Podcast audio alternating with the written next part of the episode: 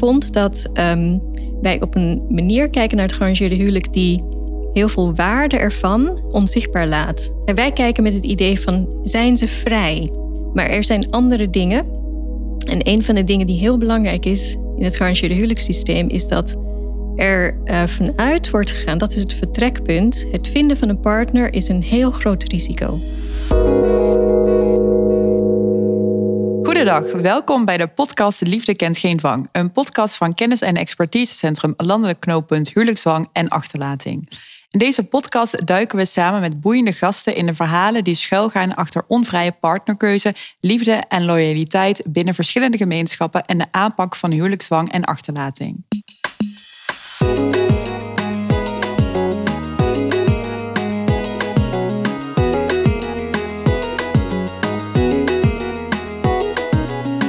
In deze eerste aflevering staan we stil bij de termen gedwongen en gearrangeerd. Onze algemene nabijheid bij gearrangeerde huwelijken vinden we als we vergezeld met een bak popcorn en een kop hete thee kijken naar programma's als Married at First Sight. We smullen van de romantiek en zijn razend benieuwd naar de toekomst van het koppel dat elkaar niet kent, maar elkaar wel het ja-woord geeft. Maar deze entertainmentshows zijn niet de enige plekken in ons land waar gearrangeerde huwelijken plaatsvinden. Wat is eigenlijk het verschil tussen gearrangeerd en gedwongen? We spreken er vandaag over met Naema Tahir, een mensenrechtenjurist, gepromoveerd op de waarde van het gearrangeerd huwelijk en schrijfster van onder andere Brieven in Urdu en De Bruid. Welkom, Naema. Dankjewel. Hier ook bij mij aan tafel natuurlijk onze vaste tafeldame Dini Vleerman, manager van het landelijk knooppunt huwelijkszwang en achterlating. Um, voordat we de inhoud induiken, Dini, waarom vinden jullie het um, als landelijk knooppunt belangrijk om over deze thematiek een podcast te maken? Nou, wij zijn al heel veel bezig met, uh, met kennis, uh, kennis delen en uh, het vergroten van kennis bij professionals. En dit is voor ons een nieuwe manier om kennis over huwelijksdwang en achterlating te vergroten. En we vinden het gewoon heel belangrijk om dat te doen met ja, allerlei partners, zodat we meer de diepgang in kunnen gaan, dat we ook de breedte van het onderwerp kunnen laten zien. En dat we denk ik ook een nieuw ja, hulpverleners aan kunnen trekken die we voor die tijd niet bereikten. En beleidsmedewerkers, misschien politici. Ik denk voor iedereen die geïnteresseerd is in huwelijksdwang en achterlating, deze thematiek, is die podcast een hele goede manier om dat te doen. Ja, mooi. Oké, dan gaan we nu eh, direct door naar het onderwerp van deze aflevering. Uh, gearrangeerde en gedwongen huwelijken. Deze begrippen worden nog wel eens door elkaar heen gebruikt. Um, maar ze zijn ja, wezenlijk uh, verschillend van elkaar. Dini, kun jij uitleggen waarom, um, ja, wat het verschil is tussen beide begrippen en waarom het belangrijk is om dat verschil ook te benoemen? Uh, bij een gedwongen huwelijk, dan wordt zeg maar een jonge man of een jonge vrouw door ouders, familie, de gemeenschap gedwongen tot een huwelijk wat zij niet willen. Dat geldt voor één of beide partners en ze stemmen er ook niet mee in. Bij een gearrangeerd huwelijk dan zoeken bijvoorbeeld de ouders of de familie een geschikte huwelijkskandidaat voor hun zoon of dochter. Instemmen is belangrijk. Er wordt wel ingestemd met de huwelijkskandidaat. En het is ook mogelijk om die huwelijkskandidaat af te wijzen. Oké, dat is het verschil. Dat is echt het, en dat is bij een gedwongen huwelijk niet mogelijk. Ja, en hoe proberen jullie uh, dit onderscheid te maken op het moment dat er een uh, melding wordt gedaan, dat er een melding bij jullie binnenkomt? Um, meldingen kunnen op twee manieren bij ons binnenkomen. We krijgen wel professionals die contact met ons opnemen en advies vragen. Dan uh, begeleiden wij hun hoe ze het onderzoek kunnen doen en een open gesprek kunnen voeren om het goed uit te vragen. Uh, denk bijvoorbeeld aan het stadium van het huwelijk, wat is er al gebeurd. En als slachtoffers van huwelijksdwang in het buitenland zijn, dan doen we dat natuurlijk zelf ook. We onderzoeken het en gaan met het slachtoffer in gesprek van wat is het stadium van het huwelijk? Hoe wordt er getrouwd in de familie? Um, zijn er mogelijkheden om een huwelijk te weigeren? Heb je al gezegd dat je het huwelijk niet wilt? Dat soort dingen. Is van belang. Ja, oké. Okay. Uh, Naima, jij bent gepromoveerd op het uh, gearrangeerd huwelijk. Um, um, en de verschillende perspectieven uh, die er bestaan. Heb jij een verklaring ervoor waarom wij het zo moeilijk vinden, eigenlijk in het algemeen, om dat verschil tussen beide um, manieren van huwelijken, zeg maar, bij de manieren van trouwen uh, aan te duiden? Ja, dat is um, op zich heel logisch als je kijkt vanuit het autonoom huwelijkscultuur. En dat is het huwelijkscultuur wat in het Westen dominant is, waarbij de individuen zelf kiezen. En het idee is dat dat het ideale vorm van huwelijk is. De jongeren hebben dan vrijheid. Ze kunnen uh, zelf kiezen of niet kiezen. Ze kunnen ook kiezen om niet te trouwen. En dat vinden wij een, ehm, ja, een, een, hele goede vorm van zelfbeschikking. Met wij nou, bedoel je dan mensen die in, in Wester, ja, zoals je dat kan zeggen, Westerse. Ja, dus eh, ik bedoel westerse samenlevingen. En dan is natuurlijk de vraag, wat zijn de westerse samenlevingen? Ja, in principe, um, in de wetenschap wordt het Westen gezien als, uh, als een uitgebreid gebied dat in Europa begon. Um, waarin de moderniteit begon en het individualisme. Dat begon echt in Engeland, dat wijde over naar het continent en dat verspreidde zich ook uiteindelijk naar Amerika toe. Het is een hele uh, basisgeschiedenis, natuurlijk heel ingewikkeld. Ja. Maar het idee was dat um, je grootfamilies had, maar door um, industrialisatie, dat kwam na de verlichting en de romantiek, kreeg je een toename van het individualisme. Dus jonge mensen vertrokken uit hun dorpen om te gaan werken in, uh, in de steden, in de dienstverlening of in de industrie. En dat deden ze ongetrouwd, waardoor hun onafhankelijkheid ontstond en ook uh, gewaardeerd werd. Het werd ook niet gezien als iets slechts. En het idee was vaak, als zij in dienst gingen bij iemand, van ja, je mag ook niet trouwen totdat je je opleiding klaar hebt. En daar kwam ook het idee vandaan, uit voort. Het is goed om eerst je te scholen daarna een baan te hebben en dan onafhankelijk te worden, je, eigen kosten te kunnen verdienen, dan denk je aan het huwelijk. En dat is een soort hyperindividualisme die um, ook ertoe leidt dat je vooruit gaat. Dat je geëmancipeerd bent voordat je huurt. En met zo'n blik, als je die geschiedenis hebt vanuit het Westen, kijken we naar eh, het gearrangeerde huwelijk dat dat hele proces nog niet heeft meegemaakt. Het gearrangeerde huwelijk is geen individualistisch cultuurgebaseerde systeem, maar een systeem gebaseerd op een groepscultuur, waarin het individualisme niet tot hoogtepunten heeft eh, kunnen komen, of misschien is er ook geen wil om, om, om mhm. het individualisme tot, tot hele hoogtepunten te laten komen. Het idee is, wij zijn groep en wij trouwen in het belang van de groep, want zo blijft de familie sterk. En dat is de manier waarop wij in een samenleving staan als, als groep, als familie. Ja, en, en, en, en um, welke aspecten spelen daar dan heel erg een, rol? Want je schetst eigenlijk um, dat zeg maar, um, het, de individualistische uh, mentaliteit, zeg maar, het gelijk uh, aanwezig is met de industrialisatie. Dus hè, eh, steden gaan, in ieder geval er komen nieuwe bedrijven, werknemers worden aangetrokken vanuit het platteland naar, naar de steden. Maar zie je die dynamieken ook niet in, in landen waar het gearrangeerde huwelijk plaatsvindt? Dat, dat er grote steden gebouwd worden? Want dat is wel zo volgens mij. Dus wat is dan het verschil eigenlijk van dat daar die, die huwelijksnormen en waarden niet um, op diezelfde manier ontwikkelen, zeg maar. Als je dat nou ja, het, het, is natuurlijk, het zijn een paar processen hier. Um, wat jij schetst is uh, de urbanisatie in heel veel landen waar gearrangeerde huwelijken plaatsvinden. Absoluut. Er is ook urbanisatie, er is ook um, individualisme in zulke gebieden. Maar het is een. en wat je dan krijgt, is dat je het individualisme krijgt in een groepscultuur. En dus heb je hybride ruimtes. Ik noem ze hybride ruimtes, waarin het groepsgevoel en het individualisme samenkomen. En dan heb je ook hybride vormen van gearrangeerde huwelijken. Dus je hebt uh, soms, je hebt, je hebt in de gearrangeerde huwelijkscultuur sowieso drie hoofdtypes. Traditioneel gearrangeerde huwelijken, waarin de ouders beslissen en zeggen: luister, uh, dochter of zoon, dit is een hele goede kandidaat. Wil jij hiermee trouwen? En in principe heeft de zoon of dochter geen enkele reden om te weigeren. Mhm. Dus ja, in hoeverre kun je spreken van instemming? Dat is een hele traditionele vorm van gearrangeerde huwelijk. Je vertrouwt je ouders. En je wilt ook dat je ouders beslissen. Je wilt ook dat zij gelukkig zijn en hun geluk is jouw geluk. Dan heb je het semi-gearrangeerde huwelijk, waarin de ouders weliswaar iemand kiezen, maar samen met het kind. Dus ze zeggen, nou ga maar mee. We gaan jou introduceren aan mensen en zonder jou gaat er niks gebeuren. Maar dat is een, dat is een semi-gearrangeerde huwelijk. Dan heb je uh, de liefdesgearrangeerde huwelijken, waarin jonge mensen in een gearrangeerde huwelijkscultuur opgroeien, maar zelf op zoek mogen gaan of gaan. En dan tegen papa en mama zeggen: Ja, ik heb een heel lief iemand gevonden, kun jij het verder arrangeren? Nou, wat, is, wat, wat, wat betekenen die types? Dat betekent dus dat één, er komt individualisme en modernisering in gearrangeerde huwelijksculturen, maar dat die gearrangeerde huwelijksculturen ook niet helemaal weg zijn. En dat is omdat um, er toch een heel groot belang wordt gehecht aan, uh, aan de groep. En er wordt ook een heel groot belang gehecht aan de, het feit dat de partner die jij kiest, heeft invloed op de hele familie, op de dynamiek van de familie, op het geluk van de familie, op de positie van de familie in de samenleving, op de sterkte van de familie. En met dat soort ideeën word je opgevoed. Je wordt ook goed geconditioneerd met, uh, met zulke ideeën. Ja, dus families trouwen met elkaar uh, in plaats van personen. Ja, families trouwen, dat is wat er gezegd wordt. Families trouwen met elkaar in plaats van personen. Of je kan zeggen, eh, families verbinden zich aan elkaar. En uh, kijk, vroeger was dat heel erg belangrijk. Toen de staat klein was in heel veel landen, was jouw familie jouw staat. Het was een kleine staat.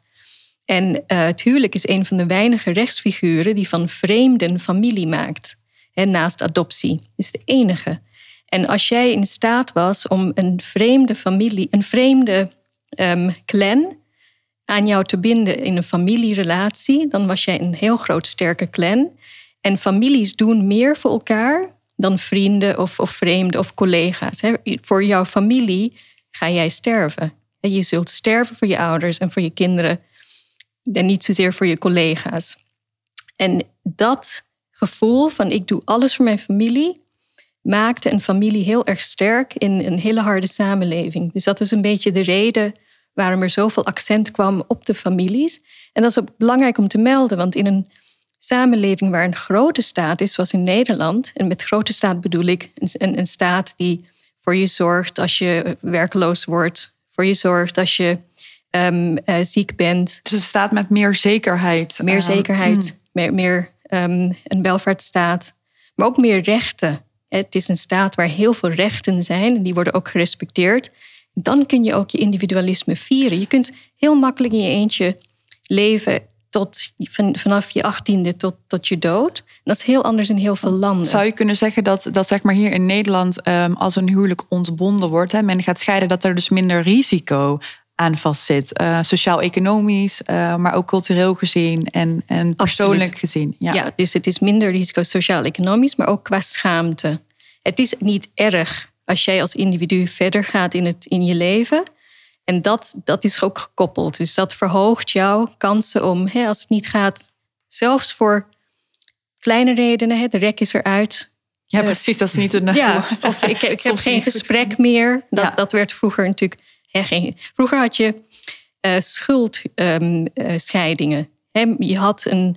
Je, je moest, en dan in het Engels heet dat fault. Er moest iets aan de hand zijn met je huwelijk. En vaak waren dat traditionele gronden. Je kon geen kinderen krijgen, je werd verwaarloosd. Er was geweld. Of jouw partner was van het geloof afgevallen. Echt strakke redenen. En dat is verlaat in heel veel uh, jurisdicties waar scheidingen plaatsvinden in het Westen. Je mag nu gewoon scheiden. Omdat je, omdat je dat wilt. Ja. Um, en jij, uh, nee, maar hebt ook heel veel um, uh, werk um, uh, abort gedaan, zeg maar, in, in het buitenland. In ieder geval in jouw tijd als bij UNHCR. En in welke werelddelen, zeg maar, komt, komt het gearrangeerde huwelijk als, als standaard, zeg maar, voor? Kun je daar iets over vertellen? Nou, wat ik eerst wil vertellen is dat het voorkomt bij ongeveer de helft van de wereldbevolking. En dat is heel significant, want um, je kunt dan bijna niet meer spreken van het westers huwelijk, het, het autonoom huwelijk van kinderen kiezen zelf. En met kinderen bedoel ik echt uh, volwassen kinderen. Um, dus dat is een norm natuurlijk in heel veel plekken. Maar in heel veel plaatsen in de wereld is het gearrangeerde huwelijk uh, de norm. Met alle veranderingen van dienen, met alle types. Nou, waar komt het voor? Azië, Afrika, Zuid-Europa, bij orthodox christenen, Um, en uh, Japan komt het voor. Alhoewel Japan enorm aan het individualiseren is. En dan zie je een afname van het gearrangeerde huwelijk. In China komt het heel veel voor. En wat nog belangrijker is voor ons vandaag, is dat vanwege de grootschalige migratie zijn gearrangeerde huwelijksculturen en gearrangeerde eh, families die dat nog praktiseren, gemigreerd naar het westen toe. Waardoor je voor het eerst sinds uh, mensenheugenis twee grote systemen in die multiculturele samenleving naast elkaar uh, ziet. En dat geeft um, interessante verschuivingen, vooral in het gearrangeerde huwelijkscultuur. Maar ik denk ook in de autonome cultuur denken van hé, hey, hoe zij het doen, een beetje, een beetje hulp bij het zoeken van een partner, kunnen wij daar iets van leren. Ja, want ik heb je... zelf het gevoel dat zeg maar, die, die vrije partnerkeuze of die autonome huwelijkskeuze in Nederland ook eigenlijk nog maar een relatief korte geschiedenis heeft. Want ik denk, we kennen natuurlijk misschien wel heel veel voorbeelden waarin boerenfamilies uh, voor het land gehuwd werd. Uh, dus in die zin is dat, denk ik, vond ik wel heel interessant wat je zei, dat het heel erg te maken heeft met ook zorgt de overheid voor je? Of wordt er financieel voor je gezorgd? Heb je financiële zekerheid? Denk je dat dat ook te maken heeft met emancipatie van vrouwen? Het feit dat vrouwen gewoon zelf uh, voor hun eigen ja, brood zorgen? Ja, ik denk zeker uh, dat, uh, dat de emancipatie van de vrouw um, het he heeft gezorgd dat, dat mensen zelf konden kiezen. Maar ik denk ook de emancipatie van de man. Kijk, vroeger, hè, het is heel goed dat, dat je dat zegt, Dini in principe, um, er, is er zijn heel veel specialisten, auteurs op het gebied van het huwelijk. En Stephanie Koens, die schrijft heel mooi, een van haar citaten is... voor duizenden en duizenden jaren um, was de vraag wie met wie trouwde... niet aan de individuen die trouwden. He, dus als jouw land, inderdaad wat Dini zei... als jouw land naast het land is van een andere boer... dan dacht je van, hé, hey, als mijn dochter met de zoon van mijn buur zou trouwen dan kunnen we het land verenigen. Blijft het in de familie en kunnen we gewoon uh, ja, nog een grotere schaal bereiken. Um, geloof speelde natuurlijk een hele belangrijke rol. Um, de priester die, die kon soms een uh, invloed uitoefenen. Uh, zeker de, de, de families, de, grootfamilie, de, de ouderen in zo'n familie. Dus het was heel belangrijk dat um, ja, heel veel mensen betrokken waren. Wat Stephanie Koens ook zegt, is dat heel veel mensen werden gezien als handen. Als jij een vissersbedrijf had, dan was het wel handig dat jouw zoon thuis kwam met een vrouw die een beetje dat vak kende, in plaats van een vrouw die poëzie wilde schrijven de hele dag. Ja, daar had je niks aan. Ja, dus het niet die romantische basis, hè, maar echt die uh, overlevingsbasis, zeg maar. Inderdaad, en dat is interessant over uh, romantiek. Je had ook in die tijd een veel bredere uh, definitie van liefde. En C.S. Lewis, hij heeft um, Narnia geschreven, heeft ook een heel mooi boek geschreven over uh, liefde, de, de, vier liefdes. Je had de goddelijke liefde, liefde voor ouder-kind, vriendschapsliefde, liefde tussen um, naasten, um, naaste liefde, dus dat, dat. En dan had je ook nog de sensuele liefde, de eros. En in principe kwam in een huwelijk dat allemaal samen. Dus als jij niet enorm in die eros zat met je partner, dan wist je, nou ja, het is ook, uh, ik, ik, ik, moet, ik moet ook voor hem zorgen en hij gaat ook voor mij zorgen. En um, uh, hij is Gods schepsel. En daarom hou ik alleen al van hem. Hè? Dus dan had je van die bredere vormen van liefde, die um, later werden vervangen door uh, een enorme accent op de romantische liefde. Dus de sensuele liefde tussen individuen. En dat is met name gekomen naar, na de romantiek. En uiteindelijk ook natuurlijk na de verlichting. Ja. Dat kwam eerst. Ja, en, kan je ons meenemen, want um, gedurende uh, jouw werk, zeg maar, is jouw opvatting over het gearrangeerde huwelijk uh, wat veranderd? Kun je ons meenemen in uh, ja, jouw eigen inzichten daarover? Ja, dat is een hele, hele mooie vraag. Kijk, ik ben natuurlijk um, geboren in een gearrangeerde huwelijkscultuur. Ik kom uit Pakistan, moslim. En um, in, in Pakistan is het nog steeds de norm om een gearrangeerde huwelijk te hebben. Ook mensen die naar het westen toe migreren, hebben dat. En het is een van de meest um, strenge gearrangeerde huwelijksculturen, zou je kunnen zeggen. En alle studies wijzen ook die kant op, dat heel veel culturen die migreren veranderen gaandeweg. Maar de Pakistani, die zijn heel uh, erg dat, nog. Uh, nou, er is um, een theorie dat de endogamie, dus het trouwen binnen je eigen groep, uh, een, een hele belangrijke rol speelt. En je trouwt binnen, binnen je eigen groep wederom, omdat ja, je, over de eeuwen heen hebt, ben, moeten terugvallen op je groep. En de staat was, was, was klein, harde samenleving. Dus dan trouwde je binnen de groep en die groep maakte je groter en groter. Dus je, je clan, die vulde je gewoon aan en dat was jouw staat, dat was jouw samenleving. En dat zijn, dat zijn de redenen. Hoe keek ik er dus naar? Ik ben dus geboren in zo'n cultuur, maar ik ben natuurlijk ook in het Westen geboren. Ik ben in Engeland geboren, daarna in Nederland. En op een gegeven moment heb ik hier mijn uh, rechtenstudie behaald in Leiden. Dus ik groeide ook op in de cultuur van de vrijheid, gelijkheid en individualisme. En ik raakte enorm gepassioneerd door de mensenrechten. En ik ben me daar ook in gaan specialiseren. En ik dacht, ja, dat is de weg vooruit.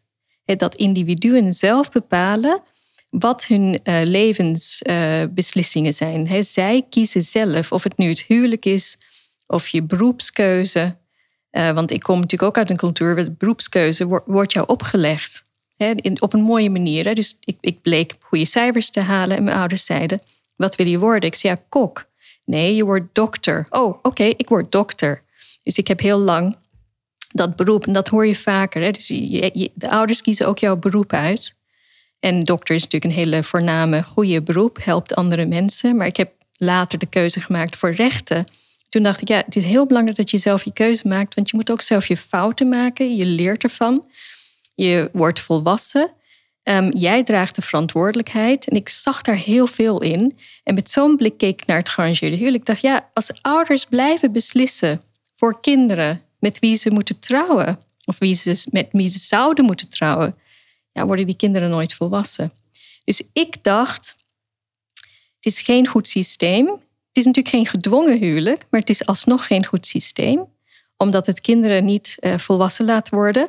En als tweede poot dacht ik, het gaat ook verdwijnen. Iedereen wil op de westerse manier trouwen. Dat was jouw gedachte. Dat was ja. die twee poten. Ja. Dat, was mijn gedachte. En toen, wat gebeurde er toen? Want je hebt een ander inzicht uh, inmiddels. Nou, ik heb heel lang deze inzicht gehad. Echt heel lang. En op een gegeven moment, wat je ziet, is dat je denkt: ik ontmoet geëmancipeerde vrouwen. Ik, ik ben jurist qua beroep. Ik heb ook in het internationaal juridisch uh, veld gewerkt. Dan kom je ook internationale juristen, Pakistaanse vrouwen, hoogopgeleid, prima inkomen. En die dan kiezen voor een gearrangeerde huwelijk. Of je komt in India's iemand tegen, die kiezen voor een gearrangeerde huwelijk. En dan ga je nadenken. En ik merkte gewoon dat het idee dat ik had, van nou, zo'n gearrangeerde huwelijk gaat verdwijnen, want het westerse systeem is beter. Dat ik daar toch moeite mee had en steeds meer moeite mee kreeg vanwege wat ik zag. Kon je dat niet rijmen met elkaar? Bedoel je dat? Dat ja. die vrouwen wel op de plekken waren waar jij ook was, maar dat ze daarvoor. Ja, het is, het is een hele mooie vraag, want wij hebben vaak een soort lineair idee. Hè? Als je geëmancipeerd bent, dan zul je geen hoofddoek dragen. Als je geëmancipeerd bent, dan zul je toch geen gearrangeerde huwelijk um, willen. Als je geëmancipeerd bent, dan ga je toch daten. Maar je ziet dat heel veel mensen toch aan een bepaalde ehm, een bepaalde reserve hebben met heel veel vrijheden. En wat is dat? Dus ik raakte heel, erg gefascineerd. En toen dacht ik, ja, de enige manier om dit um, voor mezelf uit te zoeken is uh, door erover te schrijven. Ik heb natuurlijk een paar romans erover geschreven en dat bevredigde mijn nieuwsgierigheid niet. En uh, op een gegeven moment dacht ik, ik ga gewoon promoveren. En, en ik, ik dacht, ik ga promoveren op een van de mooiste onderwerpen in mijn eigen leven. Dat is het gearrangeerde huwelijk in relatie tot de mensenrechten. Nou, wat vond ik? Ik vond dat ehm, wij op een manier kijken naar het gearrangeerde huwelijk die heel veel waarde ervan onzichtbaar laat. En wij kijken met het idee van, zijn ze vrij? Hebben ze vrijheid? Hebben ze het recht van instemming? Dat is prima, moeten we echt doen, blijven doen. Maar er zijn andere dingen. En een van de dingen die heel belangrijk is in het gearrangeerde huwelijkssysteem is dat er uh, vanuit wordt gegaan, dat is het vertrekpunt. Het vinden van een partner is een heel groot risico. Het kan fout gaan, je kan gekwetst raken, je kan ook heel zwaar schades oplopen. En in een groepscultuur willen we dat onze kinderen niet aandoen. En daarom helpen we de kinderen, omdat wij wijzer zijn, wij ouderen, we zijn wijzer, we hebben meer ervaring. En dan hebben ze die schade niet. En ik zeg altijd, kijk maar naar de Beatles. Hè. I got by with a little help from my friends. En dan is het dit. Ik, ik, ik, ik ben getrouwd met een klein beetje hulp van mijn familie. En dat is een hele um, andere dossier dan vrijheid. Dit is het dossier van voor elkaar zorgen. En wat het ook doet, is dat wij in plaats van naar de individuen te kijken, van nou hebben jullie wel ingestemd? Hebben jullie wel genoeg vrijheid genomen? Zijn jullie wel geëmancipeerd? Is er het recht op zelfbeschikking gematerialiseerd. Dat is allemaal relevant, maar wij moeten ook kijken naar de rol van de ouders. Hebben zij hun gezagspositie goed ingevuld? Hebben zij gedacht in het beste belang van het kind, om de beste kandidaat voor het kind ook daadwerkelijk te zoeken? en te vinden, zijn zij daartoe eigenlijk in staat? En ik denk dat in heel veel migratiegezinnen, waarin de eerste generatie niet heel veel contact heeft met bijvoorbeeld de Nederlandse samenleving, niet altijd in staat is om goede huwelijkskandidaten te vinden voor hun half-westers, half-oosterse kinderen. Dus mijn idee is, hè, je moet dat gearrangeerde huwelijk in, in zijn hele plaatje volledig doorgronden. En dan kun je het ook verbeteren, want het, is, het, het loopt heel vaak fout. En het loopt fout, fout niet zozeer omdat die kinderen geen rechten hebben of daar niet van bewust zijn. Het loopt fout omdat die ouders hun rol gewoon niet goed kunnen of uh, willen vervullen. En dan, dan gaat het echt over hun gezagsrol. En om gezag um, goed te kunnen vervullen, heb je heel veel kwaliteiten nodig. inzicht in je kind, inzicht in de, de leefwereld van je kind. Um, dus is dat voor ouders, um, zeg maar voor kinderen die, ik, ik noem het even diaspora-kinderen, maar inderdaad kinderen die, die, die dus settelen in een land waar hun uh, voorouders niet vandaan komen, moeilijker zeg jij dan uh, bijvoorbeeld die vrouwen uit Pakistan die jij tegenkwam, die gewoon uh, in de omgeving wonen, die voor hen en voor hun ouders bekend is. Is Absoluut. dat eigenlijk een conclusie die we ja. kunnen trekken? Het is, ja. het is een hele mooie conclusie. Het is zo mooi dat ik het eigenlijk moet herhalen.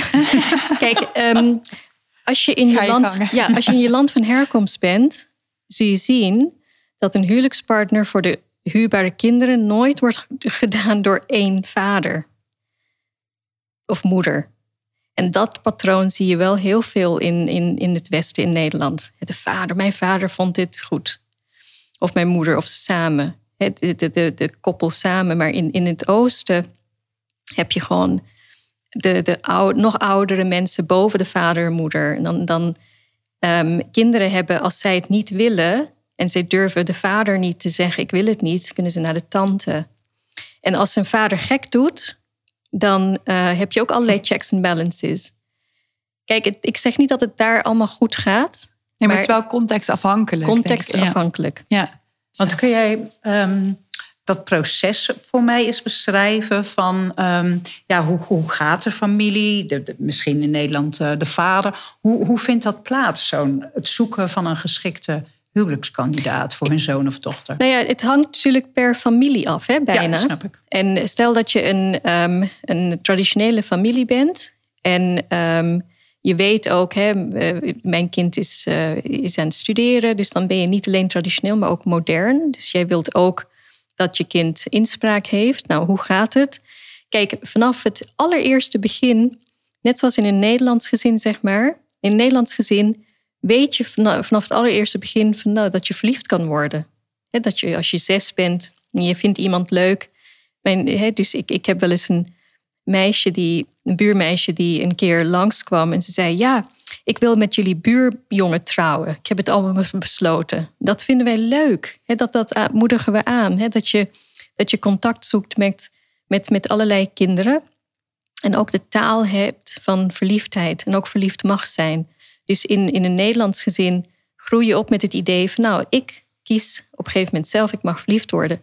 Nou, in een gearrangeerde huwelijksgezin word je al vanaf het hele vroege geconditioneerd van... nou ja, dat doen we niet. Zo doen we het niet. Dus je verwacht al heel subtiel, soms onbewust, dat jouw ouders daarover gaan. Nou, hoe gaat dat? De ouders zijn altijd op kijk, op de uitkijk, maar ze zullen vaak het huwelijk uitstellen totdat hun kind gestudeerd heeft, misschien zelfs een baan heeft.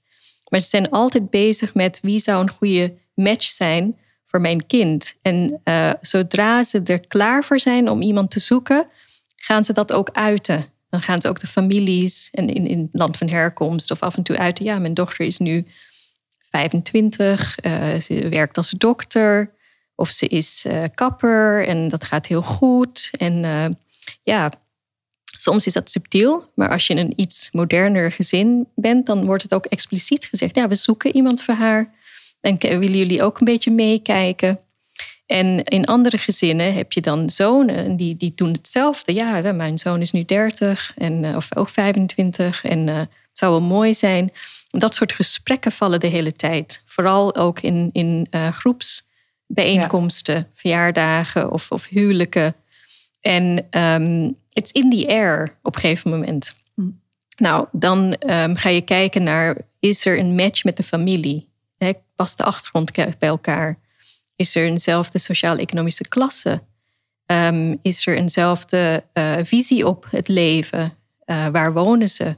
Als de een in het land van herkomst woont, zou hij of zij bereid zijn hier naartoe te komen. Dat is wel vaak zo. Of andersom. Um, maar ze kijken ook naar het karakter van het kind. Nou, en als het dan goed gaat, zijn er allerlei varianten. Of je kiest al iemand uit en je zegt tegen je dochter: Ik heb iemand, wil je hem uit, uh, uit wil je hem even uh, testen of het ja. goed is? Of je selecteert drie kandidaten uit. Je zegt: Ja, uit deze drie moet je kiezen. Meer is er niet. het zijn allerlei varianten. Het is natuurlijk heel belangrijk dat het kind instemt. Maar die instemming is heel erg gekoppeld aan de goedkeuring die de ouders al aan zo'n kandidaat hebben gegeven. Dus het is niet een hele absoluut vrije instemming, vind ik. Maar het moet er wel zijn. Ook in de traditie wil uh, men niet dat het kind tegen zijn wil absoluut ongelukkig is. Zelfs niet in de traditie. Ja, ja. mooi. Um, voor, uh, ja, nu is het tijd voor onze rubriek even inzoomen op. Uh, Naima, aan jouw hand zijn er de afgelopen tien jaar meerdere romans verschenen. En uh, ja, daarin vindt zeg maar dit, dit thema, hè, deze thematiek, altijd wel een, een, plekje. En jij hebt voor ons ehm, een van jouw romansen Durberuit meegenomen. En je gaat daar een fragmentje uit voorlezen. Zal ik het een beetje inleiden? Ja hoor. Dus um, De Bruid gaat over um, twee, dus één tiener die opgroeit in Rotterdam. Ze heeft een Pakistaanse achtergrond ze wil medicijnen studeren. En um, ze is ook westers aan het worden. En haar ouders vinden, ja, dat kan niet. En willen haar dus uh, ja, misschien daarvoor behoeden met een huwelijk. En um, zij kent een nichtje van haar die in Londen woont, die al getrouwd is in een gearrangeerde huwelijk. En de bruid gaat eigenlijk over een gesprek tussen die twee. Ik zal verder geen spoilers geven. Maar um, ik zoom in op um, een gesprek tussen hoofdpersonage Sophia. En zij heeft dan een gesprek met haar vader, die dan um, haar vertelt over uh, ja, haar toekomstige huwelijk. Je gaat een man ontmoeten in Londen, zei vader. Ik vind hem 100% geschikt voor jou. Ik had geschokt moeten zijn. Ik had verbijsterd moeten kijken. Iets, Iets had ik moeten zeggen of doen om mijn ongeloof en afwijzing kenbaar te maken. Ik deed niets. Ik zweeg. Een dochter heeft haar plichten, zei vader. Nu bonsde mijn hart onbegrijpelijk in mijn keel. Ze heeft de plicht te doen wat haar vader goed acht. De plicht van een dochter. Wat dat betekende, wist ik. Het is het lot van elke Oosterse vrouw. Ze huurt. Ook ik. Al was ik net 17 jaar oud, al had ik me een toekomst voorgesteld van studie en werken, ook ik moest trouwen. Een huwelijk was het uiteindelijke doel. Je mag niet vergeten waar je vandaan komt, zei vader. Je bent dat vergeten. Ja, beaamde moeder. Ik kreeg het benauwd. Nee, zei ik. Ik ben het niet vergeten. Sophia, zei moeder, luister naar je vader. Ik ben het niet vergeten, zei ik nog een keer. We dwingen je niet, zei vader opeens. Dwingen? vroeg ik en ik keek naar moeder. Sophia, zei vader, we dwingen je niet, maar je moet wel huwen. Ik schaapte mijn keel. Wie is het? vroeg ik. Het was een simpele vraag en ik had die niet moeten stellen, want in die vraag school belangstelling voor de man die voor mij bestemd was. En belangstelling was het begin van instemming. Vader keek naar moeder en zei naar hem. Een flauwe glimlach danste in haar blik. Je wilt weten wie het is? vroeg moeder. Het is je neef. Welke? vroeg ik. Iskander. Ik wilde haar niet geloven. Maar hij is zo oud en ik ken hem niet. Wij kennen hem, zei vader geïrriteerd. Wij kennen hem. Weet je, Sophia, dat jouw moeder en ik elkaar niet eens hebben ontmoet tot onze trouwdag? Wij hadden vertrouwen. Wij wel. Wij vertrouwden onze ouders.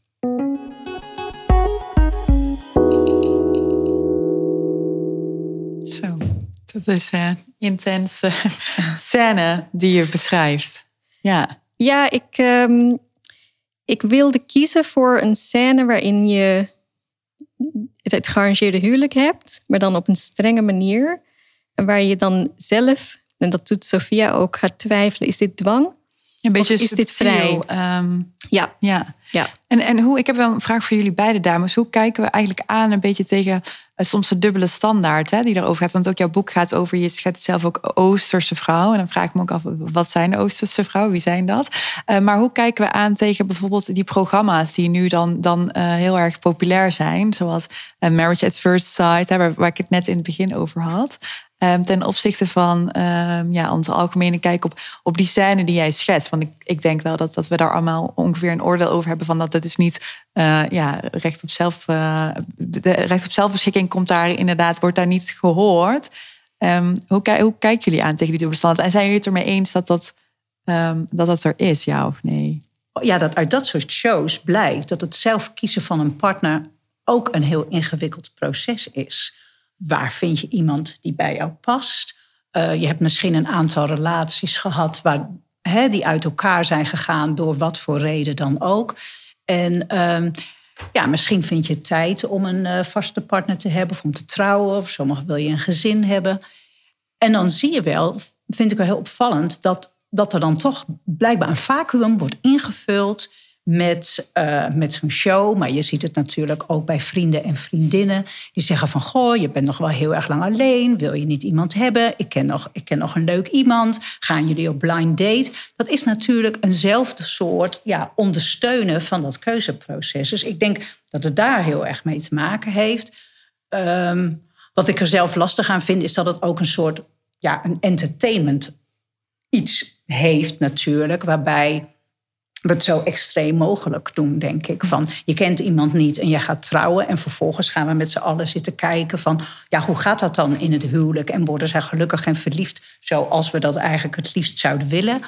Of eh, knalt het en hebben ze ruzie en eh, eindigen ze allebei in een andere hotelkamer. Dus ik vind dat entertainmentdeel, dat we daarna gaan zitten kijken met z'n allen, ja, vind ik niet altijd even positief. Ja. Geeft ook dwang, toch? Je zit op de televisie. Ja, het is ook een, ja, denk ik, een vorm van, eh, ehm, van druk dan Ja, die erop zeker. staat. En kijk jij naar dat soort programma's, Nijmen? Ja, ik vind het eh, sociologisch heel interessant. En ik denk wat Dini zegt, er is een vacuüm. Kijk, er is. ehm, ik, ik- ik denk dat het individualisme het is prachtig. Hè? Het is prachtig dat je zelf keuzes mag maken. Maar het is ook een hele grote opdracht op het individu. Ja, doe het maar. Regel het maar. Eh, kijk maar of je iemand vindt als je dat wilt. Hè? Want er zijn natuurlijk heel veel mensen die single willen blijven. Ehm, eh, maak maar je carrière. Word succesvol. Bereik maar de top. Het zijn heel veel zware opdrachten die wij op het individu ehm, eh, leggen. Van, nou, doe het maar. Ja, er En- zit ook een druk op dat individualisme inderdaad. druk je op moet het individualisme. alles regelen en je moet eh, En je moet. verliefd Ja, worden. En, de En gelukkig zijn. kijk, die, die programma's die, die ehm, geven wel iets weer in, van de maatschappij. Maar laat ik ook dit zeggen. Ik heb ontzettend veel eh, succesvoorbeelden gezien in een individualistische cultuur, waarin twee mensen elkaar vinden en dan ontmoet je ze. En dan denk je, wat hebben zij dat goed gedaan in hun eentje? Dus die voorbeelden heb je ook. En dat, ik denk dat we beide systemen op een bepaalde manier gewoon moeten vieren. En de, de, de, de schadelijke kanten of de ongelukkige kanten moeten bespreken. En misschien dat we van elkaar, hè, van de beide culturen, over een weer, weer iets kunnen leren om die vacuums in, in beide systemen ehm, te vullen, eh, te verrijken. Dat denk ik ook. Een mooi eh, slot, einde van deze mooie aflevering. Dank je wel. Uh, Naima, voor het uh, boeiende gesprek. Graag gedaan, dankjewel. Um, we zijn uh, aan het einde gekomen van de aflevering. we danken alle luisteraars voor het luisteren. In de volgende aflevering spreken wij onder andere met Habib El Kadouri van de Alliantie Verandering van Binnenuit. We spreken met hem over hoe zij taboes bespreekbaar maken binnen culturele en religieuze gemeenschappen. En hoe zij werken aan de gelijkheid, veiligheid en acceptatie van vrouwen en LHBTI-personen. Dank jullie wel.